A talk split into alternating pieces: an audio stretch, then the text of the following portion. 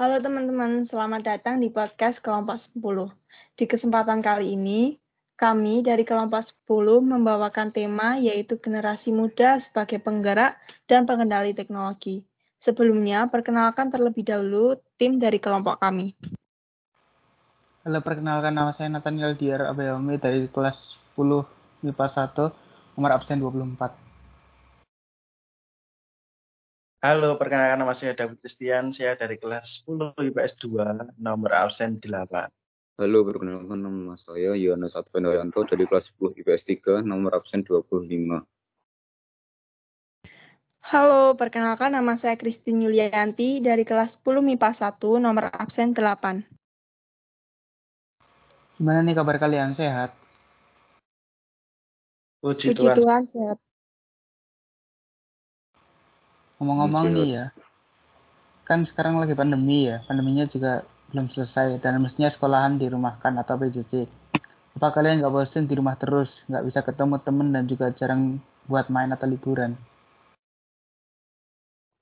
Tentunya bosen sih, gimana nggak bosen? Kita cuma kebanyakan di rumah aja, nggak ada teman buat diajak ngobrol.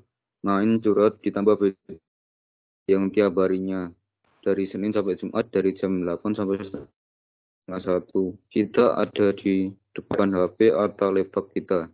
Yang dibilang seneng karena bisa main HP. Ya seneng, tapi tugasnya selain itu main HP. Lama-lama kan bisa merusak kesehatan mata. Ya betul banget sih. Selain itu kalian juga di rumah, terus pastinya bosen. Karena yang kita lihat dan lakukan cuman cuman itu itu aja. Pastinya bosen banget. Dan ini berlangsung selama berminggu, bahkan sudah ber, bulan-bulan. Iya juga sih, tapi menurut aku itu bukan jadi masalah buat aku. Kan kita bisa ngatur waktu biar nggak keseringan main smartphone kalian. Dan juga dengan mengatur waktu itu, aku yakin mata kalian nggak kelelahan karena kelamaan main smartphone. Menurut aku tergantung kalian kayak gimana. Nggak mau nyalahin sih, kayak gimana, nggak mau nyalahin. Lagi pula kalau kalian bosan, kalian bisa buat karya dari teknologi smartphone kalian, dan kalian bisa ngembangin bakat kalian, dan untung-untung nanti bisa dapat penghasilan dari hasil karya kalian. Kan nggak ngerugiin juga, dan nggak bosenin. Misalnya kalian buat karya seni budaya lokal non benda. Iya betul juga itu kata si Christine. Itu tergantung diri kalian sendiri mau gimana nentuin jalan hidup kalian.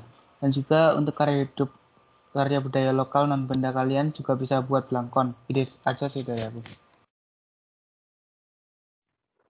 Emang belangkon itu apaan? Dan dari mana asalnya? Dan kenapa harus belangkon?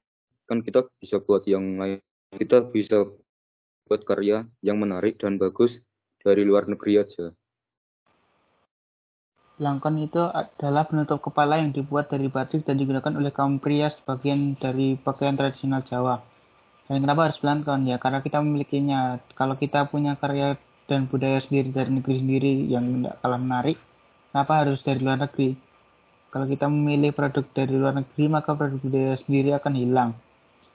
Dan dengan kita mengembangkan niat produk budaya non benda belangkon ini, kita juga sebagai generasi muda juga membantu bangsa sendiri untuk bisa menerima dan diterima budaya sendiri dan usaha kita mengoptimalkan apa yang negara kita punya.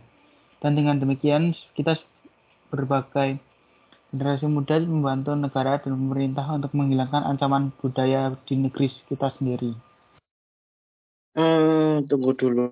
Tadi kan tentang ancaman mau nanya, emangnya ancam sosial budaya itu apa dan apa hubungannya sih? Oke oke, bakal tak jelasin pelan-pelan ya. Jadi ancaman budaya sosial budaya adalah ancaman dari luar dari dalam dan luar negeri. Kalau permasalahan kita tadi termasuk termasuk ancaman luar negeri karena membahayakan budaya kita sendiri yang semakin luntur disebabkan karena masyarakat negara bersikap westernisasi westernisasi yaitu gaya hidup yang selalu berorientasi kepada budaya barat tanpa diseleksi terlebih dahulu, seperti meniru, mod meniru model pakaian yang biasa orang-orang barat pakai, yang sebenarnya bertentangan dengan nilai norma-norma yang berlaku. Misalnya memakai rok mini, lelaki memakai anting-anting, dan salah satunya juga memilih untuk membuat produk dari budaya luar negeri, dan masih banyak lagi. Wah, kalau kayak gitu membahayakan banget dong buat negara kita. Apalagi kan budaya kita ini banyak dan kalau sampai hilang, semua kita rugi besar. Apalagi belangkon tadi. Kalau gitu, ayo kita buat produk dari belangkon, setelah itu kita jual. Wah, boleh banget tuh. Tapi gimana mau jualnya? Lagi pandemi kayak gini, nggak memungkinkan buat jual, jualan. Kemungkinan jualan apa di toko cuma 50%. Karena keadaan kayak gini, yang beli cuma dikit, nanti kita malah rugi dan gulung tikar bisa-bisa. Tenang, kan kita ada teknologi yang canggih yang kita miliki dan rata-rata anak milenial punya, yaitu smartphone. Kita manfaatin aja teknologi ini buat jualan kita. Kita bisa promosiin lewat smartphone ini. Karena pelangkon ini laku paling banyak di kalangan para seni, maka target kita jual ke para seni dan juga anak milenial. Supaya apa? Supaya mereka suka sama produk dalam negeri. Selanjutnya, untuk pengemasan, kita buat semenarik mungkin dari kotak kayu dengan bentuk modern. Kemasan kotak kayu ini bisa didaur ulang dan tidak mencemari lingkungan jauh lebih aman. Dan untuk pemasaran, karena lagi pandemi, kita gunain smartphone kita, kita pakai cara pemasaran melalui aplikasi Instagram, WhatsApp, Endorse, Telegram, iklan, dan Facebook. Wah, ide yang bagus tuh.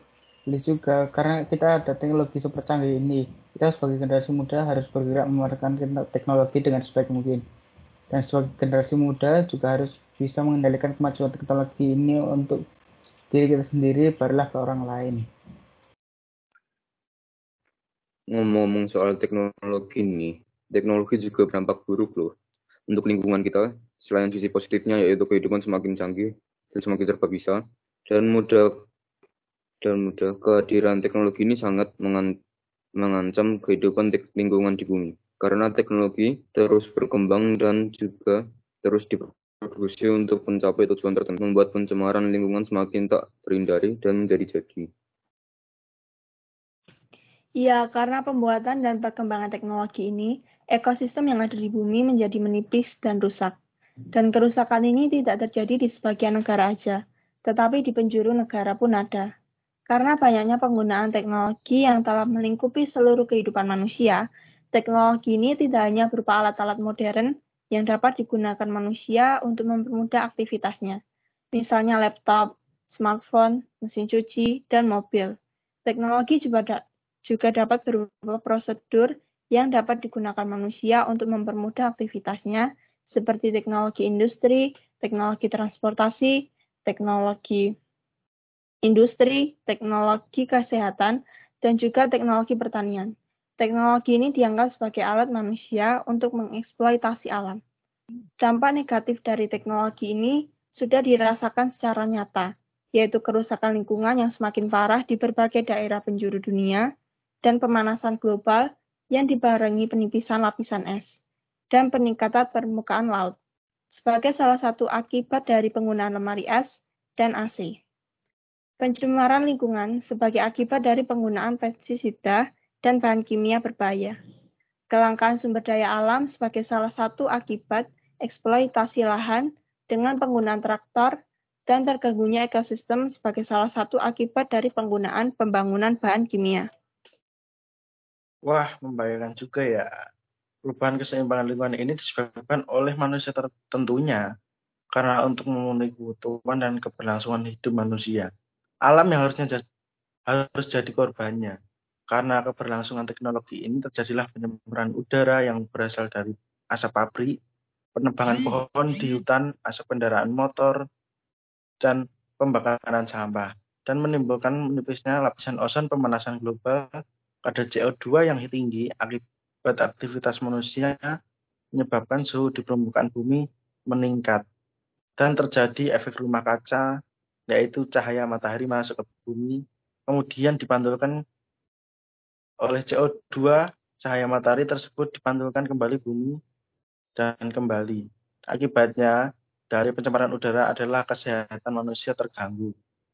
Rusaknya bangunan, pertumbuhan tanaman yang terganggu, dan hujan asam. Cara untuk penanggulangan pencemaran udara ini adalah penanaman pohon kembali, membuat tanaman di jalan, pengurangan peng, penggunaan teknologi, menanam sampah, memasang alat penyaring pada jalan pembuangan asap pabrik, menjauhkan pabrik dari dan industri dari permukiman dan membatasi penggunaan polutan-polutan udara.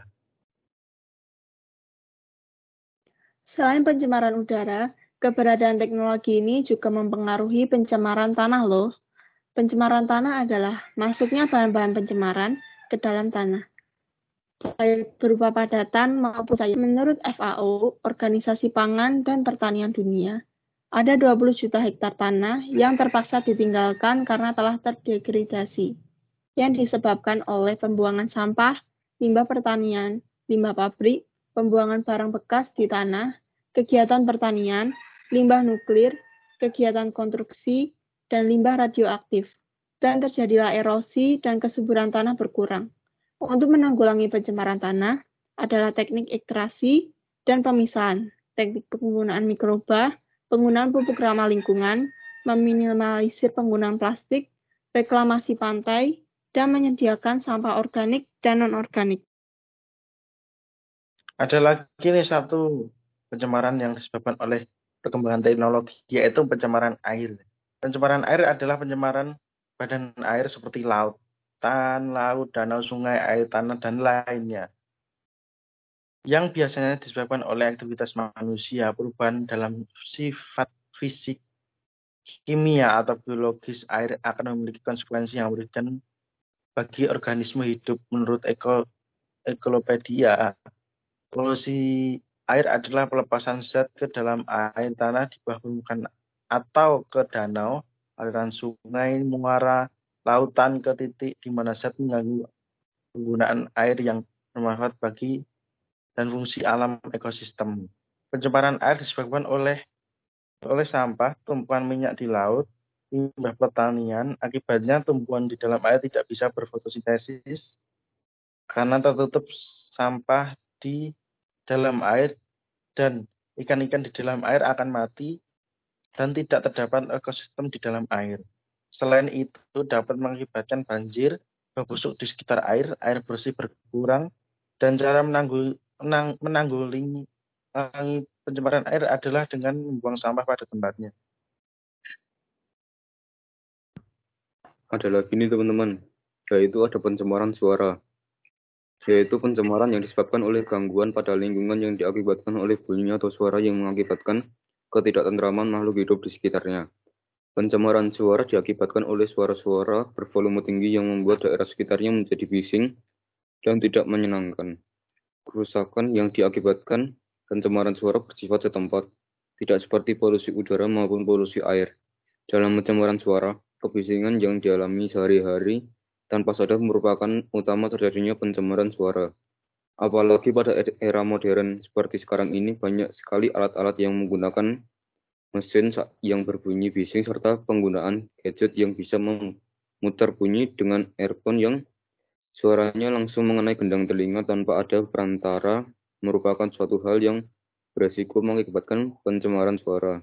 Kesehatan manusia, dampak negatif bagi kesehatan manusia yaitu stres, gila, perubahan denyut nadi, tekanan darah berubah, gangguan fungsi jantung, kontraksi perut, sulit tidur, jantung berdebar-debar, dan naiknya tekanan darah. Cara untuk menanggulangi pencemaran ini adalah penggunaan peredam suara dan pendidikan tanggung jawab bersama. Walaupun kemajuan teknologi sangat diperlukan, hendaknya penggunaan tetap penggunanya tetap memperhatikan keseimbangan alam, karena bagaimanapun juga teknologi tidak dapat berdiri sendiri tanpa peran serta alam sebagai penghasil sumber daya alam dan sebagai ruang di mana teknologi tersebut dipakai. Untuk itu, sekarang ini teknologi mulai dikembangkan dengan tetap memperhatikan dan menjaga kelestarian lingkungan, bahkan untuk mengelola lingkungan demi pelestariannya.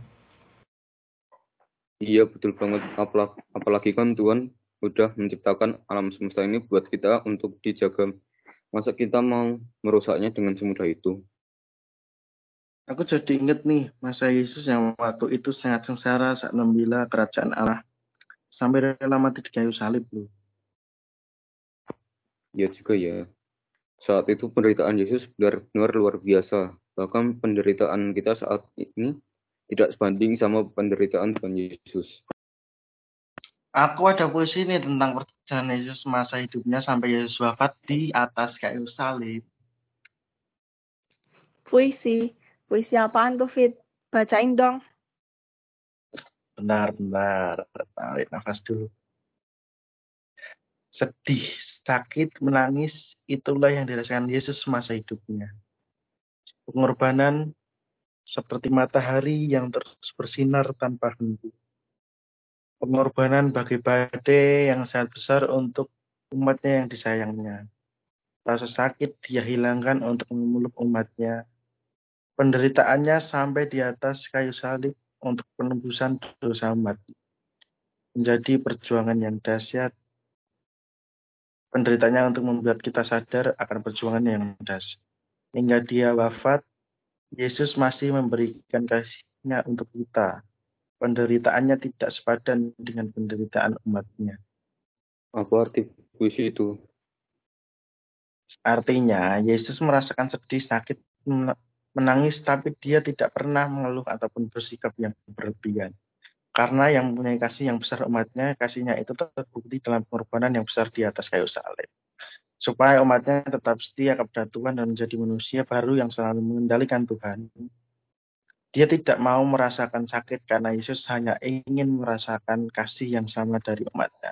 Dan supaya membuat kita sadar bahwa Yesus sadarilah wafat di kayu salib. Dan untuk mengingatkan kita bahwa penderitaannya tidak sebanding dengan penderitaan umatnya. Dan untuk membuat kita selalu semangat berjuang. Fit muatannya itu pengorbanan bagai badai yang sangat besar untuk umat yang disayangi itu artinya apa? Oh, itu masih berbula, dilebih-lebihkan. Itu artinya pengertian Yesus itu seperti badai yang besar, hanya untuk umatnya yang dicintai. Jadi pengorbanan Yesus itu benar-benar besar dan pengorbanannya itu nggak main-main. Mau tanya dong, Fit. Terus yang bunyinya pengorbanannya seperti matahari yang terus bersinar tanpa henti, itu artinya apaan? Oh, kalau itu aku pakai majas personifikasi, yaitu majas yang membanding-bandingkan benda tak bernyawa seolah-olah mempunyai sifat seperti manusia. Dan itu artinya pengorbanan Yesus itu tidak pernah redup atau mati. Seperti matahari kan nggak pernah redup. Bagus juga puisi buatan Mufid. Puisinya kayak mengawarkan kehidupan kita banget ya. Bagus banget. Ya aku ada cerita biografi dari orang Indonesia namanya Rika Alsen dia ini seorang teknokrat Indonesia yang ahli dalam teknologi motor penggerak listrik. Keren nggak tuh? Wih, keren tuh. Tapi lebih keren lagi kalau ceritanya menggunakan bahasa Inggris. Kalian belajar dan melatih bahasa Inggris. Oke. Okay. Ricky born in Padang, West Sumatra on June 11, 1980.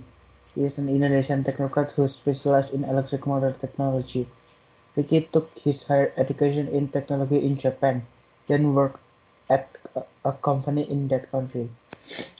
During 14, 14 years in Japan, he has invented dozens of electric motor drive technology that have been patented in Japan.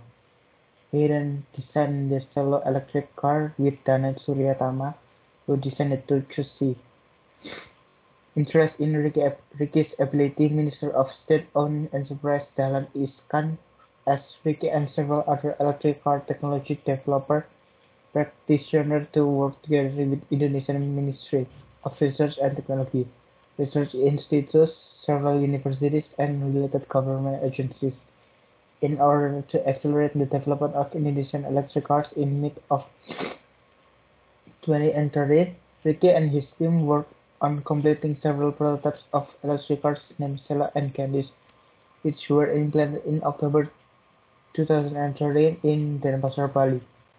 However, the National Electric Car Project didn't immediately issue a regulation. Tired of waiting for certainty about the project whose status is unclear, he then returned to the company where he originally worked in Japan. The latest news from this figure is that he has returned to Indonesia and initiated a research center which he named Bandera Angin Nusantara, located in Tasikmalaya, West Java. He and his colleagues just want to raise the spirit of the younger generation to work in technology sector. Wah, keren. Buat mobil listrik di Indo. Tapi sayangnya belum bisa diberlakukan di Indonesia mobil listriknya sih. Ngomong-ngomong soal mobil listrik nih, kan tadi mobil listrik belum bisa diberlakukan di Indonesia. Kalau mobil listrik ini dijadiin pameran, bakal bagus nih. Kan mobil listrik ini belum bisa diberlakukan di Indonesia. Jadi dibuat pameran dulu aja. Dibuat pameran mobil gitu. Dibuat pameran mobil listrik di Indonesia.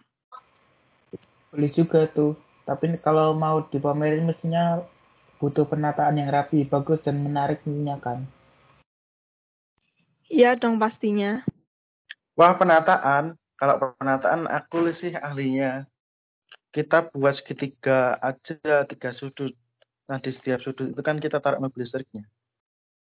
Lah kan segitiga juga ada sisinya. Kalau sisinya dibiarin kosong, nanti menarik dong dan jadi terlihat biasa aja. Enggak dong, belum selesai. Jadi kan kita segitiga tuh punya sisi. Dan jumlah sisi dari segitiga ada ada tiga ya, namanya juga segitiga. Karena tadi sudutnya buat mobil. Nah, sisinya kita taruh tali merah tuh udah agak keren dan sama kayak kelihatan lagak gitu.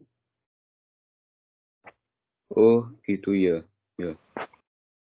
Berarti kita butuh tali dong buat biasanya. Kira-kira talinya berapa meter yang dibutuhin tiap sisi segitiga sama totalnya berapa?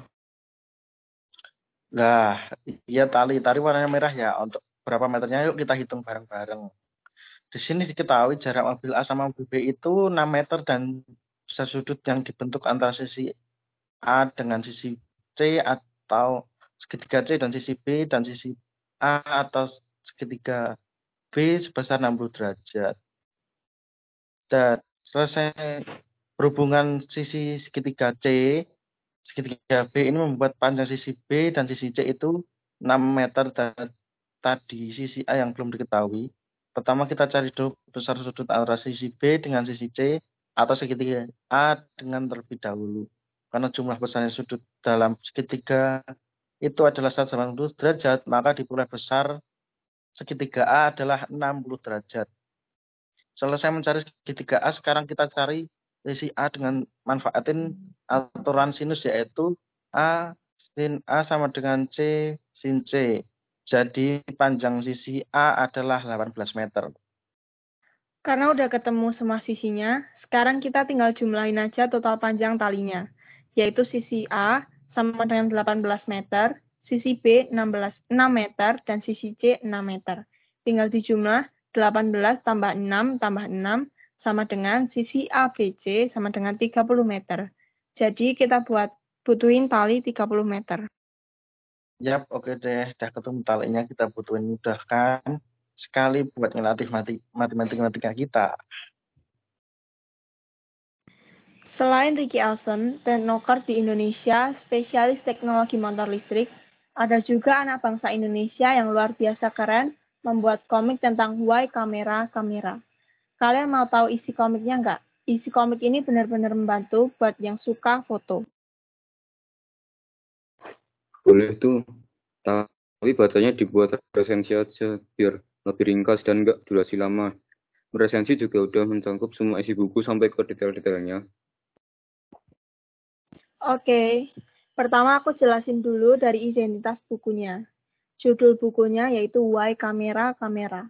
Pengarang Yermidang, penerbit Elik Media Komputindo, tanggal terbit 13 Januari 2021. Tebal halaman 160 halaman. Aku masuk langsung ke resensi bukunya. Buku Why Kamera Kamera, salah satu buku yang dikemas Yermidang secara simpel dan jelas melalui tokoh yang berbentuk komik. Buku ini berisi sejarah perkembangan kamera hingga kamera menjadi alat yang digunakan untuk memotret sebuah objek yang bisa diaplikasikan ke bentuk virtual reality. Belajar pengetahuan umum dibutuhkan di abad ke-20 ini. Arus informasi semakin mudah diakses dan berkembang sedemikian cepat. Membuat kita harus belajar dengan cepat. Belum lagi ilmu pengetahuan yang terus berkembang dan meningkat. Buku ini menawarkan konsep belajar cepat tanpa membuat pembacanya merasa kebosanan. Oleh karena itu, buku ini akan memberikan foto gambar tiga dimensi dan realitas virtual yang memberikan rasa yang sangat nyata, hingga sebagai sensor untuk kecerdasan buatan. Melalui buku ini, mari kita cari tahu dunia di balik kamera yang luar biasa. Kelebihan dari buku ini itu, buku ini sangat informatif untuk segala usia, Penulis membuat buku ke dalam bentuk komik yang tentunya tidak akan membuat jenuh pembaca. Bahasa yang digunakan juga dimengerti oleh awam. Bisa juga dijadikan referensi.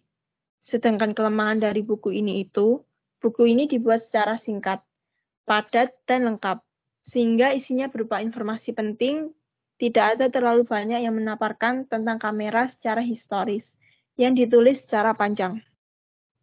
Wah, bagus juga ya bukunya. Bisa membantu banget nih yang suka sama kamera. Apalagi bukunya nggak bosen nih.